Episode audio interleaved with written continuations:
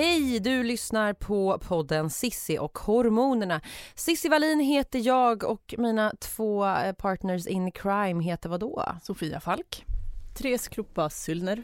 Även kända som hormoner och hemorrojder. Mm. Mm. Och idag så ska vi prata om någonting som jag tror väldigt många kan relatera till även om man inte vill eh, kanske stå för det. Jämförelsehetsen. Vem är det egentligen som är fixad, kreativ, fönad, smal, trendig, smart, glad, högavlönad, populär, rolig, påhittig och klär barnen i så färgglada, härliga, ekologiska matchande kläder, lagar sin mat från grunden, eh, har fantastiska hem och ett stort, smart, härligt umgänge. Svar? Någon? Ingen? Eller? Inte jag. Inte jag heller. Inte jag. Men vi ska ju peta in en grej i det här som jag i alla fall, eller jag vet att ni håller med, inte, man snackar inte om det så ofta, nämligen additionsstressen. Och vi ska börja i den änden. Ja. Tessan, ja. Tessipedia, Låt vad, mig förklara. vad är Tessipedia. additionsstress? Nej men det är ett, ett begrepp som egentligen då går ut på att ehm, man beter sig inte alltid helt rationellt. Och jag kan till exempel Eh, sitta nej. här, nej det är välkänt. Jag kan till exempel sitta här och se Sofia och tänka men vilket hår hon har. Eh, och så kan jag säga så här, men Sissi hon gör minsann uh, ut och springer till exempel. Och Fick du tänka lite, vad är det Cissi gör? Det som bara- Väldigt oklart. Då sitter producent Sandra där och är så härlig och lagar, bakar cupcakes var och varannan kväll. Och jag känner att så här, ja, men vänta, jag vill ju också ha ett sånt där och jag vill också springa och jag vill också så här baka cupcakes. Och sen så är det grannen som liksom, eh, kör eh, en Ironman varannan månad. Det vill jag också göra. Vad är det? Eh, alltså en triathlonövning, eh, tävling typ. Ah, Okej, jag tänkte att det var något Hur som helst, det Nej, går okej. alltså ut på att man plockar liksom så här greatest hits från ett gäng olika människor och tänker att jag vill och bör vara allt det här. För att du Cissi då som kanske springer, du har ju kanske inte lika fint hår som Sofia har. Nej. Eller du kanske inte bakar cupcakes som Sandra gör. Och istället för att då kanske tänka att okej, jag vill göra som Cissi, jag vill springa. Det kanske vore mer rimligt. Då plockar jag de här, så här guldkornen från väldigt mycket folk runt omkring mig och försöker på något sätt leva upp till det i en och samma person, vilket säger sig självt, det är helt orimligt. Eh, precis, man adderar på Ja, saker i precis. sin, på sin så här orimliga lista på sitt eh, fantastiska liv som man ska ha. Men det här är alltså ett vedertaget eh, psykologiskt eh, begrepp, Ja, Ja. additionsstress. Ja. Att det drabbar väldigt många människor. Och Mm. det är väl ännu mer påtagligt nu när vi genom liksom sociala medier eh, och hela den tekniska utvecklingen får insyn i så väl- väldigt många fler människors Man ser vardag. toppen av isbergen. Ja men exakt, Kanske. och där folk dessutom väljer att lägga fram vissa oftast fördelaktiga saker som gör att jag kanske inte ens hade vetat att du sprang den här morgonen också om inte du hade uppdaterat din Facebook. Det gjorde jag inte. Nej, min Facebook-status med det, så att då vet jag helt plötsligt att du gjorde det här och då kan jag ju känna vid frukostbordet att så här, fan sitter jag och käkar min jordnötssmör och Nutella-macka och du har varit ute och sprungit en halvmara på morgonen. Jag hade inte ens vetat det om inte jag hade sett din Facebook-uppdatering. Rent hypotetiskt. Nej, det är sant. Det är Eh, sant. Så att därför är det så mycket mer, jag tror, jag, jag vet inte men jag kan tänka mig ett hyfsat nytt begrepp. Jag tycker det är väldigt bra. Det säger, additionsstressar du, Ja, det gör jag. Sofia? Ja. Mindre idag än när liksom, eh, än innan vi började prata om det och du Tessan började. Innan för fem minuter Ja. sedan så additionsstressar Nej men innan, innan Tessan, eh, du hade läst någon artikel om det här för några år sedan Mm. och så började vi prata om det. Just, ah, det är så det är, det finns ett namn för det. Mm. Men då måste jag fråga er, är det här någonting som ni tror har, liksom, kommer det under småbarnsåren eller är det bara att det blir extra påtagligt då när man liksom har så lite tid över till sånt här? Jag tror Eller? att det, eh, att få barn, det har vi nämnt i ett annat avsnitt. Eh, du hade intervjuat någon psykolog som Mm. hade sagt något smart jag inte kommer ihåg nu. Mm, nej, men att man är biologiskt inställd på att... Man, man, det är flock, Ja, man sätter precis. en ny medlem till flocken och det, det är väldigt naturligt, om jag minns vad du sa rätt, vad hon sa, eh, Meta, men det är väldigt naturligt att man då börjar jämföra sig mer med andra för att det här är, det är så liksom back to basic att få barn. Även om vi är så moderna, uppkopplade, Mm. medvetna nutidsmänniskor så är man så primitiv. Mm, Man mm, bara, "Åh, åh, åh", man börjar prata så här grottspråk nästan i huvudet i alla fall. mm. Och så börjar man jämföra. Jag tror i alla fall det. Att det finns någonting i det. Att, att man nästan per automatik börjar snegla på andra. Hur gör de? Mm. Och tycka att de är bättre eller sämre än en själv. Eller? Tessan? Ja, och sen tänker jag kanske också att det blir, tiden blir så mycket mer knapp när man får barn. Eh, Och kanske då att så här, behovet av självförverkligande kanske fortfarande är typ lika stort. Och då på den här korta tiden så ska man göra de grejerna som man kanske tycker är viktiga och då kanske det är svårt att börja sortera för då som sagt är vi tillbaka där att jag vill laga mat från grunden men jag vill ju också springa och jag vill ju också träffa mina kompisar och jag vill ju också typ gå på teater eller köra yoga eller vad det kan vara och helt plötsligt måste man börja prioritera och jag tror att det kan nog bli liksom en ännu mer stress i sig att på den här begränsade tiden jag har så vill jag ju leva upp till allt det här Medan du har valt din löpning och Sofia har valt något annat. Sitt hår. Sitt hår som du ägnar Flawless. enormt mycket tid åt. Det är hennes hobby faktiskt. Nu vill folk gärna veta, ni får gå in på Instagram och Det kolla. värsta är att det är helt naturligt. Subba. Mm. Nej, Det- men eh, jag tror att det, det Ja. kan vara till det, att just man har Nej, man- tiden är knapp Mm. och man vill fortfarande känna att man har någonting kvar av sig själv som är starkt och då blir det lättare att liksom börja flacka och titta på vad andra gör och inte gör och sen så börjar man helt irrationellt bara plocka, ja men jag ska ju göra det här och det här och det här och så kan man inte begränsa sig och det Nej. är där den här jämförelsehetsen finns Mm. och föds tror jag.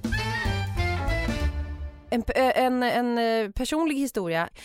Man tänker väl lätt om sig själv att jag är ju inte så svagsint eller karaktärslös eller vad man nu vill kalla det för som jämför mig med andra. Jag är så stark i mig själv och så vidare. Men det är jag ju inte. För att jag är väldigt intresserad av människor, alltså rent eh, titta på människor, betrakta hur andra gör, så här, smygkolla i mataffären. Och egentligen inte för att döma utan mer av nyfikenhet. För att det säger någonting om så här, den där familjen, vad plockar de i sin korg eller sin vagn? Ja, ah, de kör så, de kör fiskbullar, ja ah, jag förstår, det där är en eko-reko-familj och mamman har ju dreads och det är bara så här hälsans kök-grejer och liksom vegan Alltså man, man har ju väldigt mycket föreställningar, Mm. så behöver inte det stämma.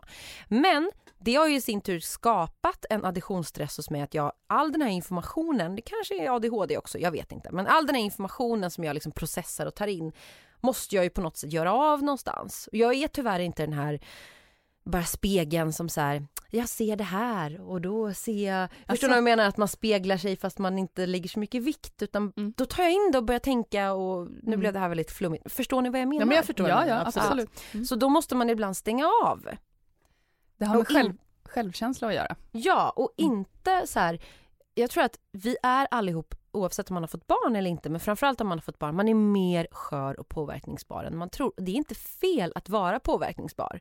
Så ibland så tänker jag att man istället får kapa liksom själva källan. Så här, om man får ångest, jag får ångest på riktigt av att läsa modemagasin.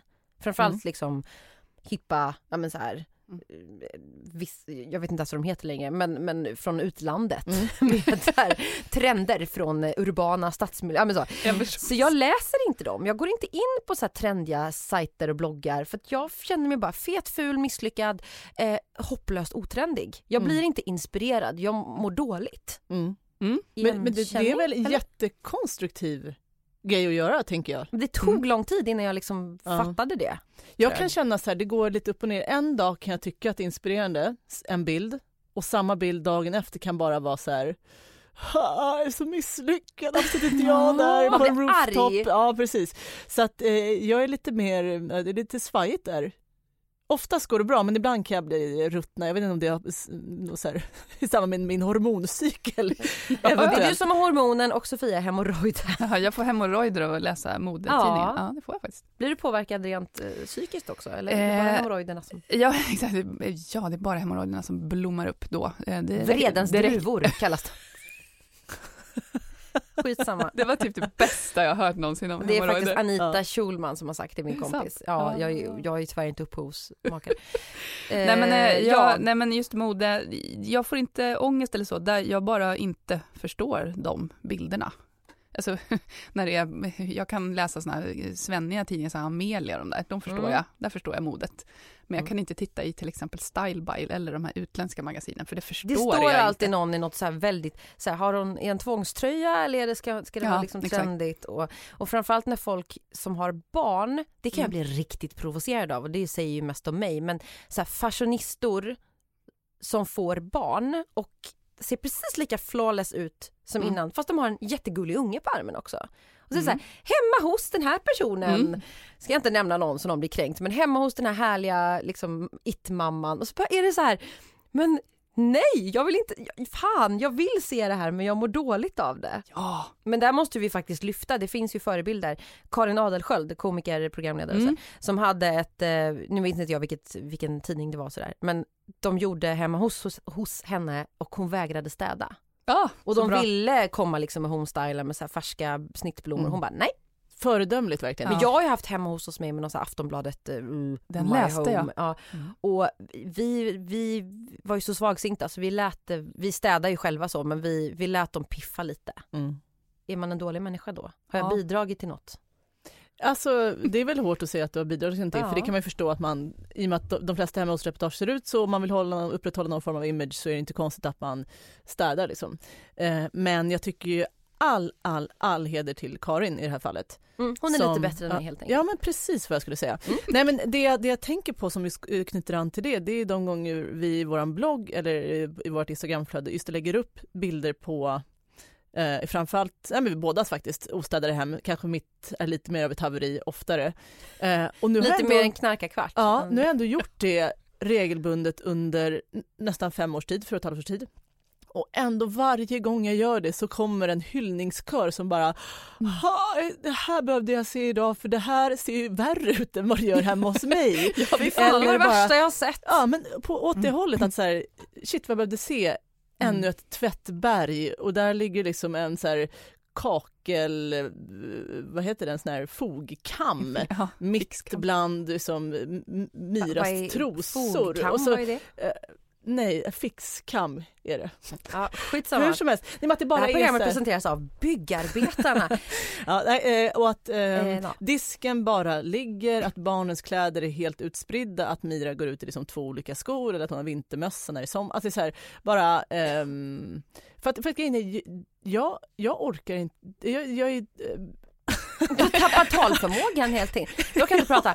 Vi, Nej, men vi, jag, går- är, nej, men jag är så långt ifrån pedant, jag är så otroligt stökig av mig. Och det hjälper ju inte till liksom, när man har två här, orkaner i ens hushåll som bara Nej, liksom, välter allt, det stjälper. Då, då mina- kapitulerar man. Men det är Jag också intressant att jag kan lägga upp en bild i mina sociala medier på en selfie eller något sånt där och man skymtar bara i bakgrunden. Så här, en tvättställning, Mm. torkställning eller någon leksak och redan där är människor så här, gud vad skönt att se att folk så, här, så svältfödda är Exakt, tydligen ja. random människor, kanske Mm. framförallt småbarnsföräldrar, Mm. på att se liksom, verkligheten. Ja. Det är ju Mm. helt eh, ganska obehagligt.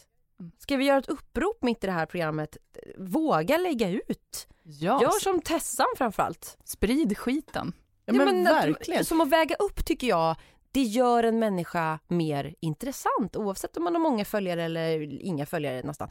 Att så här, i all den här härliga liksom härligheten, Mm. våga lägga upp lite damm och lite skit och lite stök och lite bök. Mm. Och, och i allt det här så ehm, är det ju inte, alltså, för varje kommentar man har fått där det verkligen är någon som känner en tacksamhet för det faktiskt. För det, eh, det är inte så att så här, vi gör en supergod gärning i världen men någonstans så här, det finns enskilda individer som sitter där och bara shit vad jag behövde se det här, vad skönt, det känns skönt för mig att se det här. Och bara tanken på att en sån här bild som jag bara tog nyss i vårt badrum för att det faktiskt ser ut så och slänger ut på Instagram, det gör att en annan person sitter och kanske slappnar av lite mer. Ja. Det, kan bli, Alltså det är Men- värt allt. Det är värt det allt. är ju en additions, eh, en icke-additionsstress av additions... Det Anti-additionsstress. Additionsglädje kanske. Det finns säkert ett, eh, en, en motpol till addition som jag inte kan. För Men, jag har inte jo, läst på högskolan. här, vänta, nu får eh, eh, psykolog Kropa kliva in här. Jaha, det bra. finns något som heter subtraktionsfokus. Ja, det är klart du visste det. Mm. Ja, Och det där. handlar alltså om att när man är uppe i den här additionsstresssnurran, att man ska börja liksom ta bort saker. Och det är ju inte superlätt. Det är ju verkligen inte lätt. Vad ska jag liksom prioritera bort bland liksom städning, laga mat från grunden, träna eller ligga eller föna. Liksom. Eh, för någonstans är det ju så svårt ibland, men det är lite det som är lösningen någonstans för att bli av med det här. Att okej, jag har de här timmarna som jag kan göra någonting av. Vad är allra viktigast för mig? Hur ska jag prioritera? Exakt, och vad är faktiskt viktigast för mig, inte vad är viktigast för mina följare i sociala medier. Eller min, den yttre pressen. Exakt. Eh, Jag är kompis med en tjej som heter Johanna Pauet som bloggar på Johannas Berlin på Aftonbladet. Och hon har bott, bott och fött sina barn i eh, Berlin eh, och har nu flyttat hem till Sverige så nu kan hon verkligen jämföra hur det är att ha småbarn i Tyskland och i Sverige. Eh, Och hon tycker ju då att det är väldigt, väldigt mycket mer avslappnat att vara förälder i Berlin. Så här skriver hon. Att vara småbarnsförälder samtidigt som man toppresterar på jobbet, har rutor på magen, är en glittrande kärleksfull partner och bor i en jävla inredningstidning är inte rimligt. så listar de tio livsvisdomar som jag har fått med mig från Berlin. 1. Lämna alltid utrymme för spontanitet i planeringen. Som att kunna stanna längre i lekparken, hämta en pizza och äta middag där istället för hemma. Lär känna dina grannar. 3. Hitta sköna sociala ytor och utnyttja dem för allmänt häng. 4. Släng fram några mackor istället för att laga middag var eviga, var eviga dag. Hail to the macka. Jajamän. Ja. Och nej, barnen kommer inte att bli undernärda. Koka ett ägg också om du är orolig, vet jag. 5. Det mesta blir så mycket mer intressant om man struntar i alla borden och måsten. Allt ifrån parmiddagar till klädstil. 6. Det är nästan aldrig värt att stressa.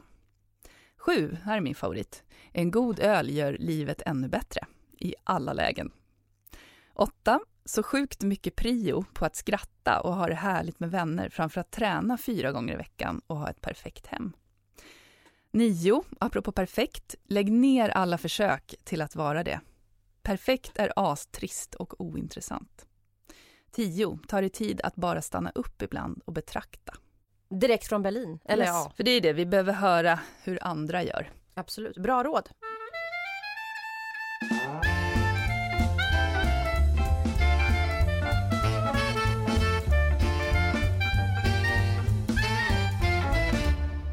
Är det här en kvinnofälla? Eh, jag satt just och tänkte på det, om det är något, för att vi hade en, ehm, eh, en kille som kommenterade, eh, en man då som kommenterade på ett inlägg om en stökig middagsbild som jag hade lagt upp. Och han säger då så här, efter att alla andra, om man förmodar då kvinnor, hade svarat att åh gud, så där ser det ut hemma hos oss också, det är verkligen det är skönt att se att det är fler som har det stökigt när, vid middagstid. Eh, och han svarar, men varför tror ni inte inte att det skulle vara så? Och det har jag tänkt på nu eh, när vi har pratat här, att är det så att, eller varför tror vi på det här? Tror vi på den Varför här går, vi, myten? varför går vi på Ja, dockskåpsmyten? exakt. Om att eh, man är väl smartare än så, Precis, tänker jag. exakt. Eller är man inte det? Och, men, Bevisligen inte. nej. Och, så därför är jag rädd att det kan vara en kvinnofälla. Och då blir jag så lite provocerad också av att det kommer in någon så här eh, rationell man och bara men så här det borde du ju förstå att. Och då Mm. kanske man som snubbe, jag fattar att han Mm. inte ville något illa Nej, så. det vill han inte. Men, men jag kan uppleva att en del, en del män kan lätt säga till, till en som, som kvinna. Jag hade säkert varit lika känslig och em, emotionellt utåtagerande om jag hade varit man tror jag, med tanke på hur jag är. Men det man kan få höra är liksom så här, ta inte det så personligt, tagga ner, alla de här Mm. mjuka värdena. Att, eh, också att känna oro och stress som är liksom strukturer. Exakt. Det, är kanske man borde då som snubbe framförallt hjälpa till mer att reducera, liksom eh, revidera den bilden än att bara så här, sluta bry dig om det är så jobbigt. Skaffa en analys. Och det är sant. Ja. Men jag tänker att vi som, det vi som tjejer kan göra då, det är ju faktiskt att följa i Karin Adelsköls fotspår och Ja. bara bjucka mer och mer och mer. Precis att det här, det här uppropet, det tycker jag är en helt grym idé. Mm. För ju fler, ju, ju större balans i våra Instagramflöden, desto bättre. Sen är det väl så att det finns vissa individer som är, vad ska vi säga, supermänniskor kan vi kalla dem, eller bara att de har en förmåga, bläckfiskarmar, att de lyckas rodda sitt liv. Så att det, Mm. det inte bara ser liksom välfungerande perfekt ut utan det är det, de går upp.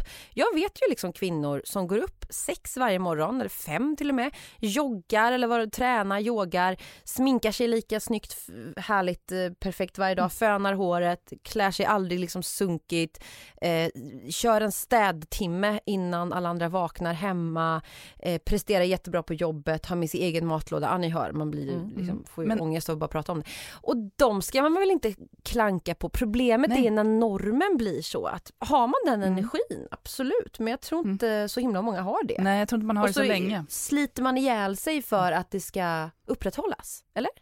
Ja, där tänker jag på hon, eh, vad heter hon, Elisabeth Kühlenstierna Mm. som skrev den här boken Good Enough. Hon var liksom en av de här första, eh, vad säger man, självhjälpsboksförfattarna. Eh, där hon beskriver sitt liv när hon levde precis sådär som du, liksom, allt från fönad till liksom, att ha bakat allt in i minsta detalj och gäster som aldrig någonsin blev bjudna på samma sak som förra gången de var hemma hos dem för att hon skrev ner liksom, listor på alla hade ätit och så vidare. Eh, och Jesus Christ. Ja, men alltså, ja, hon var verkligen den här, liksom, den perfekta mamman Mm. på alla, alla sätt. Eh, och, men hon höll ju faktiskt på att dö. Hon fick ju någon, hennes kropp stressades sönder så till en grad att hon liksom blev opererad för en massa olika eh, brustna organ faktiskt. Men Mm. gud. Så Ja, jag tror, priset är ju högt. ja, det är ju det.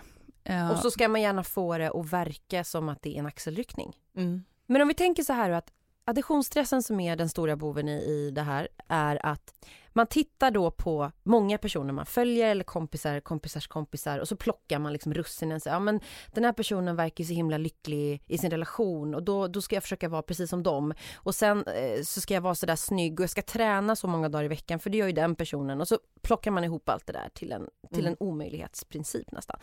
Är då boten att man istället börjar titta efter människors sämsta sidor och eh, tänk, får, man, får man vara lite ful så tänker jag så här, ja men jag har det i alla fall lite bättre än så.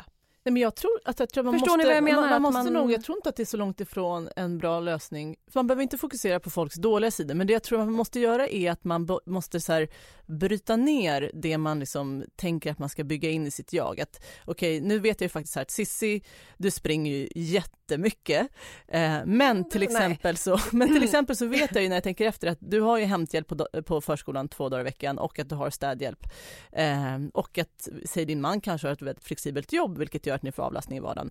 Okej, men då är, då är det inte konstigt för du med dina två extra timmar då som du får loss per dygn så kan ju du springa två timmar varje dag. Eh, Shit och, vad du målar upp en Ja. ja. chimär här Amineh. Ja. och en annan som då kanske lägger väldigt mycket tid på att eh, baka eller matlagning, kanske får prioritera bort så här, socialt umgänge. Eller att, eh, ja vad det nu kan vara. Och därför måste man någonstans bryta ner och se okej, det här, de här momenten är viktiga för mig, de här vill jag behålla, det här måste jag faktiskt prioritera bort, det kommer jag inte kunna göra. Eh, och på något sätt bara så här närma sig situationen mer rationellt i den här emotionella snurren. Liksom. Superrationell ibland i alla fall. Ja, för annars så, annars är man ju fast i den där additionsträsket. Liksom. Ehm, Så ehm, rationalitet och bryta ner och faktiskt eh, ta sig i kragen och titta ordentligt på hur det faktiskt ser ut. Men jämförelsehetsen då som är liksom rubriken på, på det här avsnittet.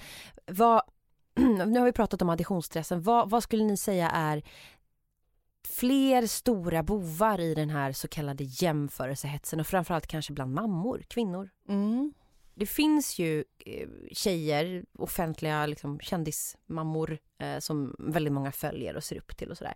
Som eh, liksom säljer ett koncept. De helt medvetet såklart säljer ett koncept av det härliga livet. Mm. Och där det egentligen inte finns något utrymme, inget intresse för eh, otömda blöjhinkar som står och luktar eller liksom eh, pattsvett eller eh, smutsiga kläder, snoriga barn. Allt det där som alla går igenom. Mm. Eh, har de också ett ansvar eller kan man ändå så här fatta att så, ja, det är okej att, att saluföra det här dockskåpslivet för att det är egentligen bara, de kallar det för så här inspiration. Mm. Mm.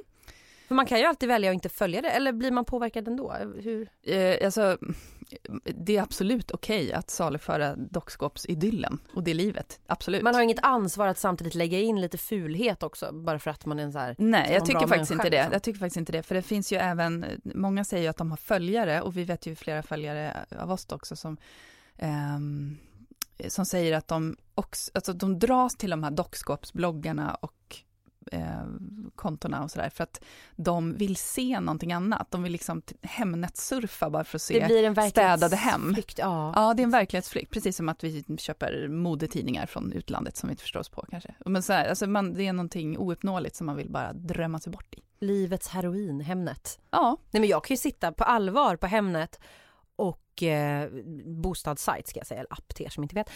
Eh, och bara säga vi ska inte flytta, vi, vi har ett jättebra boende men ändå sitta och mentalt flytta in på alla Mm. de här ställena trots att jag rationellt är helt Mm. medveten om att det är super homestylat och överprisat. Så jag säger, oh, men den där innergården, där kan man ju sitta så. Men känner du dig missnöjd då med din egen situation eller är det bara så här, jag har det jättehärligt, jag har det jättehärligt, oj, det här var något fint som jag kan titta på eller drar det ner din egen situation för det är först då jag skulle säga att det blir problematiskt. För Jämförelsehets. Ja, men precis, att, att du Mm. på något sätt du ser något som du tycker är jättehärligt och det får dig att uppleva att det du har är mindre härligt helt plötsligt. Om du inte, ens om du inte hade Mm. sett den här. Det, hade, det har balanserats ut kan jag säga. Nu Ja. är det mer bara en verklighets... eh, När man har små barn och vill pausa en stund från misären. Förlåt, det är Mm. jättehärligt också. Men ni vet, det kan vara Mm. misär, misärish. Och då är det bara så här, åh jag vet att det här är liksom ett luftslott men det är så härligt att bara mm, glida in i det. Mm. Mm. Så. Eh, en ganska legal drog om man får Mm. säga. För jag kan ju säga så här, Eller nu upplever jag eh, just det, men en liknande, ett liknande fenomen är framförallt när man var yngre och man skulle gå ut och man kunde ha gjort sig i ordning hemma och kände sig så här, men fan. När du blir- säger gå ut så menar du inte öppna förskolan då? Utan du Nej menar men då menade jag before kids, när man gick ut för att klubben. klubba lite. Eh, och man kunde så kolla sig i spegeln och bara, fan det här blev inte så tokigt. Man kände sig lite nöjd. Liksom. Eh, och sen så kommer man in och kanske så möter upp några kompisar eller hamnar på en bar och då ser man ett bombnedslag. Och om man då kunde stanna vid att bara så här, wow, vilken jävla pingla liksom, utan att det påverkar ens egen liksom, uppfattning om sig själv, då är det en sak, då tycker jag att det är helt ofarligt, då ser man ju bara en annan asnygg person. Problemet är ju när upplevelsen av en själv då blir Mm. sänkt. Man står här- där och känner hur man bokstavligen bara mm, Ja, bara sjunker fan, ihop. jag tyckte att det här var bra när jag klev utanför Ja. dörren, bara i relation till mig själv. Och sen när jag står här bredvid den här 10 poängen då bara pff, går luften ur en. Och det är väl samma sak där, att så länge man kollar på en inspirationsblogg och bara så här, fan vad härligt det verkar vara att bo i New York. Mm. Och, så här, ja toppen för den. Jag kan säga att det är lika jävligt att ha ångest och ränneskita i New York också som det är i Stockholm du eller. Finspång. Det är ingen skillnad. Nej, Mm. men då, som sagt, allt hänger ju bara på hur, man, hur det påverkar ens upplevelse av sig själv. Och då tycker jag det du var inne på förut, det här att okej, men jag mår faktiskt dåligt av att se det här. Då tror jag att det är det mest konstruktiva man kan göra, att så här, jag fimpar det här. Mm. För jag kan inte förhålla till mig, mig till det på något så konstruktivt sätt. Jag mår dåligt, jag kan inte tänka bort det här. Då tror jag att det bara avfölja. Sofia, analys på det. Eh, jag skulle vilja ge ett tips där faktiskt, kanske inte Mm. ha så mycket analys, men idag när vi, ja, vi, vi översköljs ju fullkomligt från eh, i media och sociala medier av allt det här perfekta från alla håll och hörn och även det här nästintill perfekta eh, och allt det där. Men Slarvig perfektion. ja, Mm. eh, och charm, charmigt Mm. liksom. Men framförallt, eller nu är det ju så här att i och med att man kan eh, styra sitt, sina nyhetsflöden så pass mycket själv idag, så eh, tycker jag att man ska göra det. Om man känner att det här är liksom, att man blir lite håglös eller ah, irriterad eller allt på det där. Det man ser, ja, som Tessan sa, avfölj de här jobbiga pastellmänniskorna eller de alltså dockskåpsmänniskorna. Och våga, Ehm. förlåt jag petar in, men våga känna att det är okej och Ja, inte tycka ja. om det. Det, ja, precis, exakt. Det måste, ja. Eh, och, och sen så, och liksom istället följa, eh, ja men folk Oss. som, som, ja. Nej men för jag, jag, häromdagen så, jag håller på att lära mig Pinterest lite. Ja, jag tycker det- Ja, fotoappen. precis. Ja. Ja. ja, precis. Bildfotoappen. Ja. Eh, och där är det ju, det är ju, är ju verkligen handlar det ju om att följa, alltså styra sitt eget flöde där och vilka, vilka bilder man tycker om och så pinnar man så tar man bort vilka, ja, man, man följer i alla fall precis det man, exakt det man vill se. Eh, och då tänkte jag så här, nej, nu ska, vi, ska jag titta lite grann och vad jag hittar för bilder på eh, kvinnor mm, liksom som inte ser ut som Giselle bingen liksom i kroppen, utan lite, ja, alltså inte så här supermodellsmala. Och se vad det ser ut, eller vad som finns i övrigt. Och hitta jättemycket fina, snygga tjejer på ehm, man söker på typ så här curvy model eller någonting. Och då när jag hade suttit med det här och scrollat på de här curvy bilderna, helt plötsligt så bara så här, ja, då känner jag mig jättefin. Det och bara är liksom så här, beach 2016. Ja, men eller, alltså, så bara, ja, men, alltså, man måste liksom omge sig med någonting, en motvikt till allt det här. Och det kan vara så enkelt. Ja, Att- vi att, har ju... eh, Ja. Verkligen motvikta. Jo men Tessan, du hade ju någon, du, du berättade för mig om en gång när du hade börjat gå ut på klubbar och sådär och så, och det gick upp för dig hur du skulle kunna hantera den här jämförelsehetsen. När du kände dig liksom lite, att du inte var lika uppklädd som de andra pumorna ute och då kände du att du, ja fast nej, jag behöver Mm. kanske inte vara det. Nej. Nej, men det var en period där jag var ute väldigt mycket och det blev ofta ganska så här spontana utgångar och då hade man kanske inte hunnit hem och fixa sig emellan. Och till vardags går jag ofta klädd i liksom, bekväma, sköna kläder, så inte sällan typ gympadojor eller Converse eller något skönt. Och då eh, blev det så att man sladdade ner där och skulle in på någon, på någon bar eller klubb.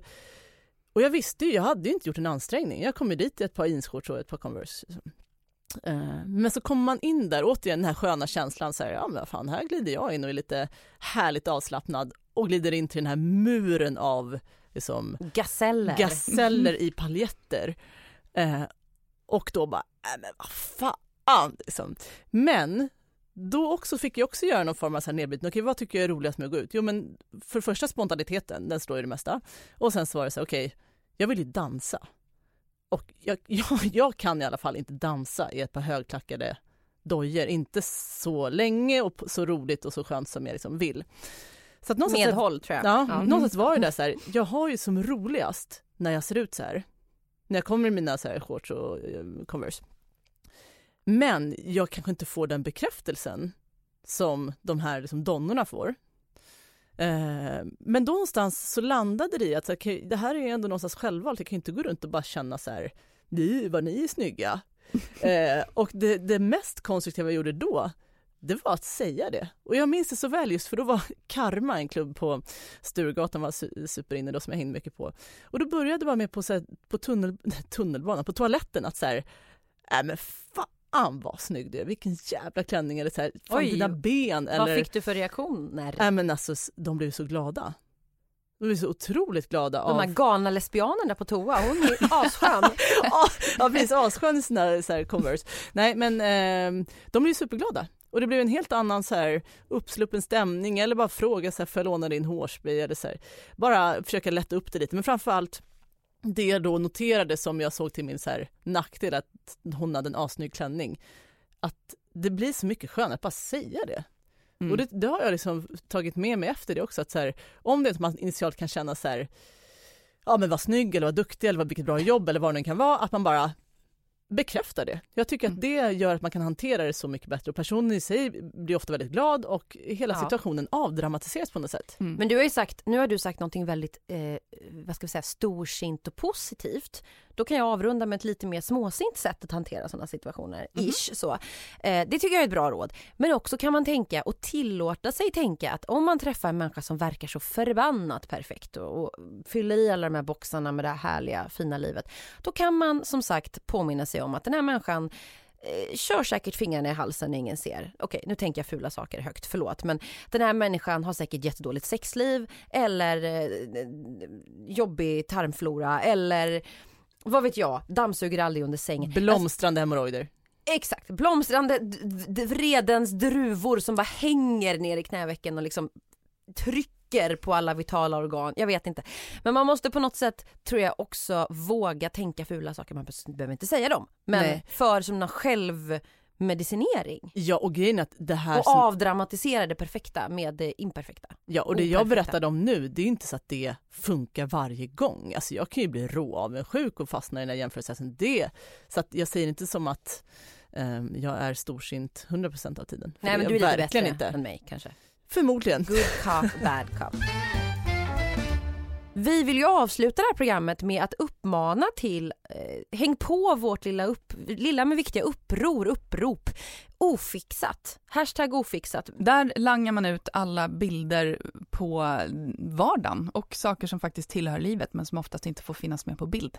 Och det behöver inte vara att man liksom tvingar fram en spya på golvet för att kunna ta kort på den. Det kan räcka med att ta en bild på en tvätthög eller ett okammat hår. Människor älskar sånt. Ja. Och vi älskar att se andras liksom, operfekta, ofixade liv.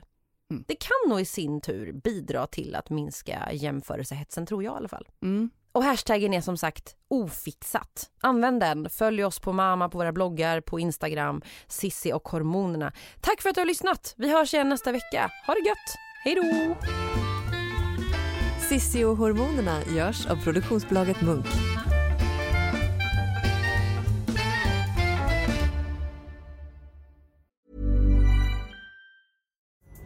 Pulling up to Mickey D's just for drinks? Oh, yeah, that's me. Nothing extra, just perfection and a straw. Coming in hot for the coldest cups on the block. Because there are drinks, then there are drinks from McDonald's. Mix things up with any size lemonade or sweet tea for $1.49. Perfect with our classic fries.